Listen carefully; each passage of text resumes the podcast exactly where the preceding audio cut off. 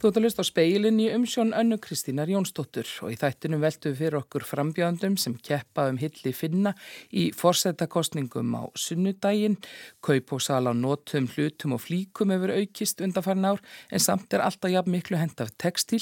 Við veltum fyrir okkur loppumörkuðunum en byrjum í Argentínu þar sem henn glíma við óða verðbolgu.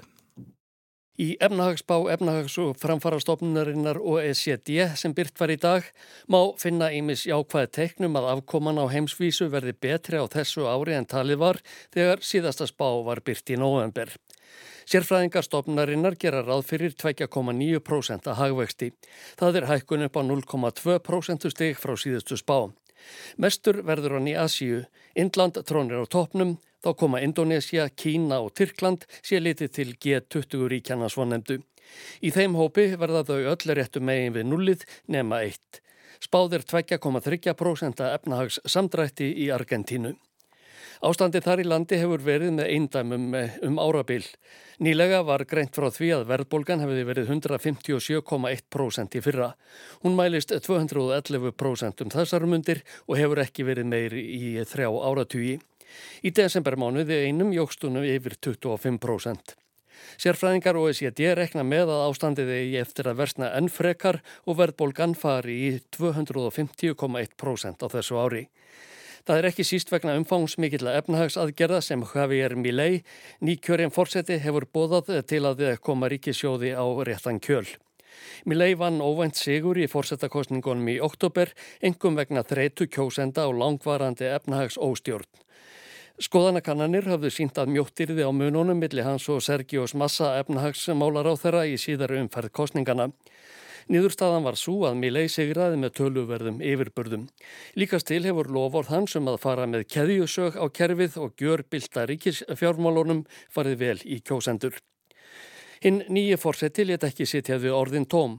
Tveimur dögum eftir að hann sór ennbættiseið í desember bóðuðu hann og stjórnans á 700 aðgerðir til að koma efnahagsmálunum á réttan kjöl.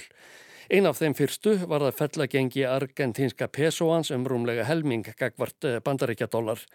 Ráðuneytum var fækkað um nýju, tilkynntum að dreyið erði úr niðurgreðslum á eldsneti og hætt við ofinberrar framkvæmdir. Gleði argentinsks almennings vegna hins nýja og aðsópsmikla forseta var fljótað súrna þegar ráðstafanir hans fóruð að býta. Harðar mótmæla aðgerðir hafa verið í höfuðborginni Buenos Aires og víðar að undanförnu. Samkvæmt ofinbörjum tölum eru það um það byrj 40% landsmanna sem eru undir fátæktarmörkum. Marga grunar að ástandið sé enn verra. Frettamæður Breska ríkisútvarpsins rætti nýlega við ung hjón sem segja að vandi þeirra við heimilisreksturinn versni stöðugt, sárgrætilegt sé að í landinu þar sem nautgriparekt sé mest í heiminum hafi fólk varla efni á að kaupa sér kjúkling í matinn, hvað þá meira. Guillermo Muniz, eh, læknir á sjúkrahúsi í Búanas Æris, segir að sér lítist ekki á blikuna. Helbriðu starfsfólk sé uggandi vegna sparnaðar ástafana hins nýja forsetta. Nosotros vemos que en el, en, el, en, el, en, tema de salud hay muchas aristas, digamos, que perjudican a los trabajadores, ¿no? pero también a, la, a los pacientes. Í helbriðisgeranum sjáum við að nokkrir þættir efnahagsumbótana eiga ekki einungus eftir að skada lækna heldur einnig sjúklingana, segir Mjönjits. Skuld Argentinska ríkisins við alþjóða gjaldarisjóðin nefnur um það byl 44 miljardum dólara um þessar mundir. Ekkert land í heiminum er skuldsettara. Javier Milei talaði um það í kostningabaróttunni að sprengja upp Sæðlabanka landsins, leggja niður pesoan og taka upp bandaríkjadólar. Sú hugmynd verðist hafa verið lögð til hlýðar í bíliða minnstakosti, ekki síst vegna þess að mati hagfræðinga að ríkisjóðurinn á ákaflega lítið af dólarum um þessar mundir. Eitt þeirra, Sergio Berenstein, segir að ógjafa fyrir stjórnvalda hafi verið að grípa til stjórnlaustrar seðlaprentunar þegar að krefti. Við það hafi verðbólga farið úr bandunum. Sem betur fer, segir hann, ætli hinn hagfræði mentaði fórseti ekki að falla í þá grifju. Hann viti að eina leiðin út úr augóingunum sé að koma á jafnvægi millir tekna og útgjalda en hún eigi eftir að reynast þjóðinni erfið. Ásker Tómasson tók saman.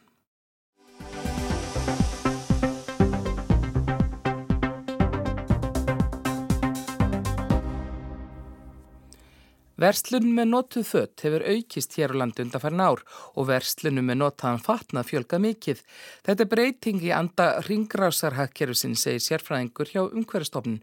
Hins vegar er engum minna hend af textil. Flutta verið út um 2500 tonn af textil á hverju ári síðustu sjö ár og verið stað ekki dragast saman.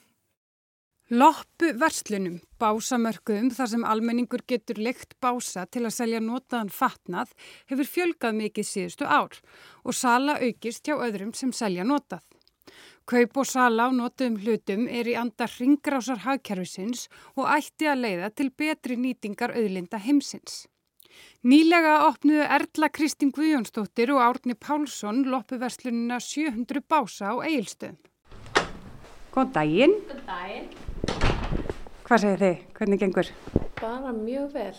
Erla Kristín segir þeirra áhuga á verslun með notið fött hafa kvikna fyrir nokkrum árum þegar þau egnuðust barn. Það fari í barnalopuna og það allt sem að sá alveg að þetta var að virka. Og við verslum mestmægnið þannig, hann að síðan bara sáum við að vantaði svolítið svona hinga. Það byrjaði kannski ekki alltaf endalega út frá því að vera svona umhverfist og frekar svona uppröðinu hjá þessu hjá okkur var svona sparnar en þetta er farið að breyta svolítið út í þannig eins og eiginlega bara frest hjá okkur hérna inni þetta er allt eiginlega við höfum fundið notað eða fengið gefins og reyndum að vera eins umhverfisvæðin í því og við gátum. 700 básar opnuðu um miðjan desember og reksturinn fyrir vel af stað, segir Erla Kristín. Já, fólk er mjög ánægt og það er einmitt, þetta er að koma meira og meira inn í rútínuna hjá fólki. Þú getur bókað barnabás eða blanda eða fullorins. Þú getur bókað alveg frá fimm dögum upp í bara eins lengi að þú vilt.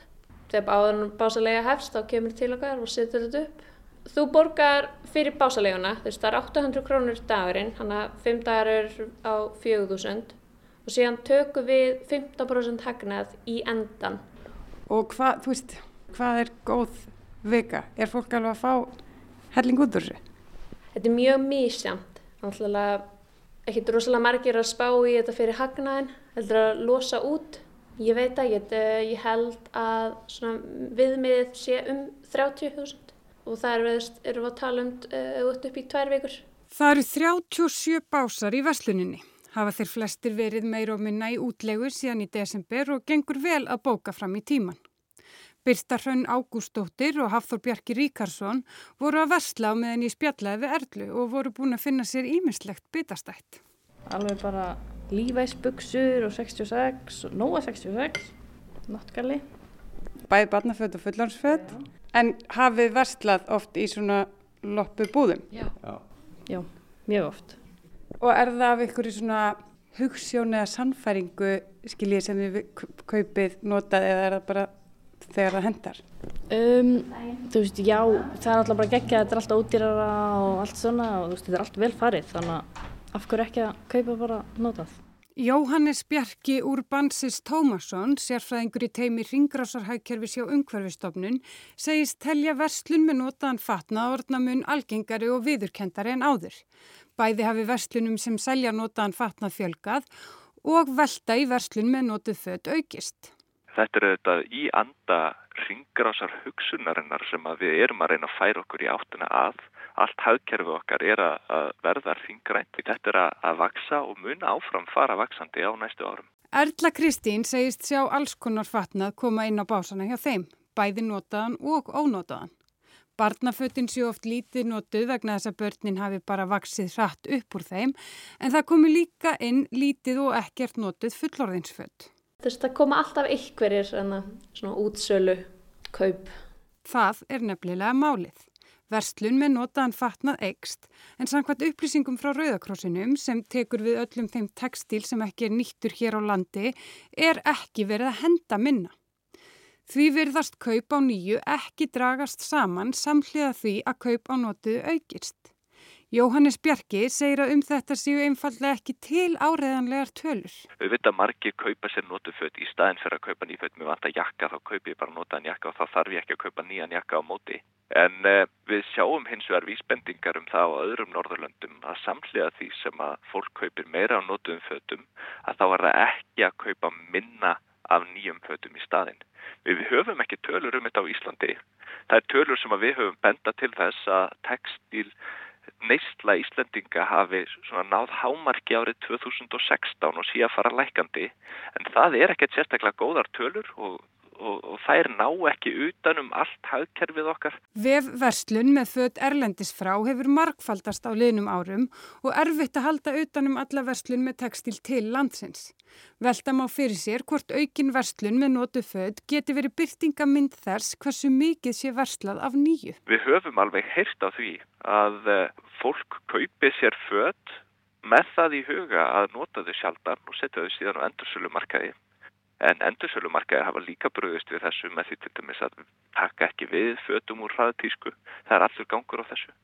En þetta er eitthvað sem við erum bara svolítið spennt að kanna núna á næstu missurum og, og fá að læra meira um að því að þetta er áleitlega spurning sem árétt að sér að vera spurð. Teimistjóri í fatasöfnun Rauðakrossin segist líka hafa tekið eftir ákveðnum vísbendingum í þessa átt. Til þeirra hafi til dæmi skila sér margir pókar í einu með eins ónótuðum flíkum frá sama erlenda netverslunarisanum.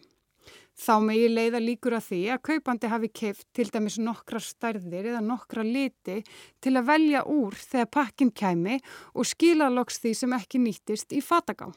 Þetta er eitthvað sem maður hefur heyrt og við heyrum það líka frá þeim aðlum sem að vinna með notaðan textil að þau taka eftir því að gæði textil sem að best eru að rýrna ár frá ári. Og þetta gerist talsverð trætt og, og vendala eru þessar mjög ódýru netverslanir sem að eiga stóran þátt í því. Og þetta er slæmt vegna þess að það er erfitt að endurvinna textil. Besta leiðin til að nýta auðlindir betur í textil er að nota fötin lengur og þess vegna skipta gæðin máli það að endur vinna textíl er ekki neitt sérstaklega góður lausn í andar ringarsarhækjörðusins. Það skiptir miklu meira máli að við getum notaðan lengur og við höfum gott aðgengi að notuðum fötum eða notuðum textil sem er á nú miklum gæðum til þess að sé hægt að nota hann aftur og aftur. Þannig að þegar kemur að textil þá viljum við gera allt sem við getum til þess að hugsa í andar ringarsarhækjörðusins og þar koma loppumarka er mjög sterkir inn. Jóhannes Bjarki telur að svo þróun að fleiri kaupi notað og meira sé vestlað með notað sé aðfinnu góða. Hún sé kannski fyrsta skrefið. En væri ekki mikilvægast að kaupa einfallega minna?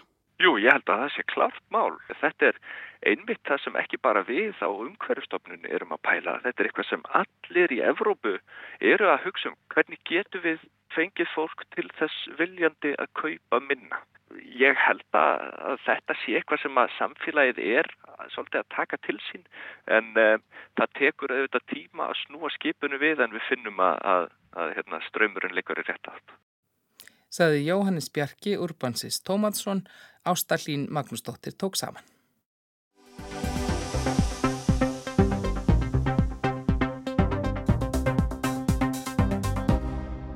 Finnar velja sér fórsetta 11. februar. Þetta verður setni umferði kostningunum vali stendur millir þeirra Alexander Stubbs og Pekka Hævistós. Mjótt var á munu með þeim og það kom greinendum ekki óvart að þessi tveir urðu efstir í fyrri umferð fórstakostningarna í januar. Kjörsókn var 75% í fyrri umferðinni munu meiri en í síðustu fórstakostningum. Þeir deildu með sér aðkvæðum tæplega helmings kjósenda. Stubb fekk rúmlega 27% og hafi stó tæplega 26%. Stubb naut mikillar hilli á Finnlandsvíum og hafi stó sóti mikið fylgi til þeirra sem búa í stærri borgum. Síðustu þrjá áratvíi hefur sáframbjóðandi sem efstur var í fyrri umferð fórsetakostninga í Finnlandi orðið ofan á í setni umferðinni og það hlýtur að vera uppörandi fyrir Stubb. Hann hefur að sumum verið talin heldur fjarlægur och kaltur en självur vårdarna ser sig färt att räda vid kvett som är. Jag hoppas att jag är tillräckligt empatisk också för att kunna ha en diskussion och en dialog med vem som helst. Det kan vara någon i Finland eller så kan det vara en president från en diktatur, allt där emellan. Han geti rætt við samlanda sína eða þjóðhöfingja jafnvel frá innræðisríkjum. Áherslur Stubbs og Hæfistórs þykja í mörgu keimlíkar, báðir teljast er frjálslindir og leggja mikla áherslu á alþjóðlega samvinnu. En í ljósi átaka á vinnumarkað í Finnlandi og alls þeirra verkvall sem var þar fyrir helgi er talið líklegt að innanríkismálin verði ofalega og bögi síðustu daga kostningabartunar. Báðir hafa þeir gengt ráð þeirra ennbætti og lýsa sér sem frjálslindum. Stubb staðsettur sig freka til hægri þegar kemur að afstöð til efnagsmála en hafist og segist hvorki vera til hægri ég vinstri. Það mun að tíu árið á þeim í aldri. Stöpp er 55 ára gammal profesor, lítur frekar á sig sem stjórnanda en fræðumann, er giftur og tvö uppkomin börn. Hafistó er 65 ára, situr á finska þinginu fyrir græningja og á eiginmann. Pekka Hafistó býður sig fram sem óháður en nýtur stuðin í skræningja og það er talið hann höfði frekar til vinstri sinnaðra kjósenda. Stöpp er frambjóðandi í jálsflokksins og sækir sitt fylgi til hægri. Stóra spurningin er auðvitað hvað kjósendur sem völdu einhvern annan í fyrirumferðinni gera á sunnudaginn. Jussi Halaho, frambjóðandi Sandra Finna, var þriðji í fyrirumferðinni, fekk 19% atkvæða, miklu meira en flokkurinn hefur nokkru sinni fengið í þingakostningum. Hann telur sjálfur líklegt að þeir sem kusu hann í fyrirumferðinni skiptist nú á milli Stubbs og Havistós. Greinandi finska ríkisútarsins telur reyndar að svo gæti farið að þeir mæti alls ekkit í setni umferðina því að þeirra sjónarhóli þá standi vali milli pestar og kólari. Olli Rehn sem naut stuðningsmiðflokksins og var fjórði með rúmlega 15% atkvæða segir að kjósundur hans geti alveg gert sjálfur upp hugsin og það er ekki sjálfgefið að þeir kjósist upp. Reyndar þóttu áherslur allara nýju frambjóðandana sem voru í kjöri í fyrir umferðinu nokkuð svipaðar. Íle segir að þó að tölvert beri í milli hafist og svo stupstæðar nánar er aðgáð. Hafist og leggur meiri áherslu á lofslagsmál og mannreitindi, stupp á allansafsbandalagið og varnamál. Spurður um hvort finnar eigi að leifa kjarnavopn innan sinna landamæra, segir stupp já en hafist og nei. Stupp segir að fælingarmáttur kjarnavopna sé mikilvægur þáttur í þeirri vernd sem felist í nýlegri aðild finnað allansafsbandalæginu. Hafistó segir aftur á móti að finnsk lög banni kjarnavopn og markmið NATO sé heimur án kjarnavopna. Finnar eigi að beita sér fyrir því. Þá er munur og afstöðu þeirra til þess hvort herskilda eigi að gilda fyrir alla og hafð kyni. Hafistó er á því en Stupp segir nei. Báðir skilir að þó svör sín vegna þess að það sé ekki raunhæft að þjálfa heilu árgangana til herþjónustu. Þá telur Hafistó að finnar ég ekki að vera með hermenn á álandsegjum, Stubb segir ég ætti að játa ég neyta spurningunni um herr þar. Eigarnar sem teljast sjálfstjórnarsvæði eru herr og hlutlausar og hafa verið frá því um miðja 19. öld. Og þessar spurningar draga vissulega dáma því að utaríkis og varnarmál finna er á forræði fórsetans. Háskólinn í Helsingi hefur kannad afstöðu fólks til frambjóndana tvekja og þátta í þeirra fari. Þar skilur helst á milli að fólki finnst Alexander Stubb fjarlagari en Pekka Havistó og um þriðjungur aðspurðra í könnun sem gerðar fyrir, fyrir umfyrðina sagði að maki Havistós væri ástæða þess að þeir kísan ekki. Havistó er samkynneður og mann frá Ekvator makar annara frambjóðanda sem þá voru í bóði skiptu kjósendur að sögn engumáli. Kynnegð frambjóðanda og það sérstaklega Hafjón Stóðs hefur nánast ekkert komið við sögu í kostingunum fram að þessu en var stórmál. Til dæmis þegar Hafi Stó bauð sig fram til fórsetta 2012 þegar Sáli Nínistó fráfarandi fórseti var kosin. Hafi Stó telur þó að sumir sjá ekki að samkynneður maður geti setið með manni sínum á fórsetastóli þá hafi veröldin breyst. Nu för tiden det är möjligt. Jag tror att världen har förändrats också. Människornas fördomar är borta. Fordómanir séu hortnir. Í dag hylla margir finnar þjóðskáld sitt Jóhann Ludvig Runeberg með því að gæða sér á möndluköku með sultu og glassur sem við hann er kent. Kanski velta einhverjiði fyrir sér um leið hvort þeir kjósa forsetta á sunnudagin.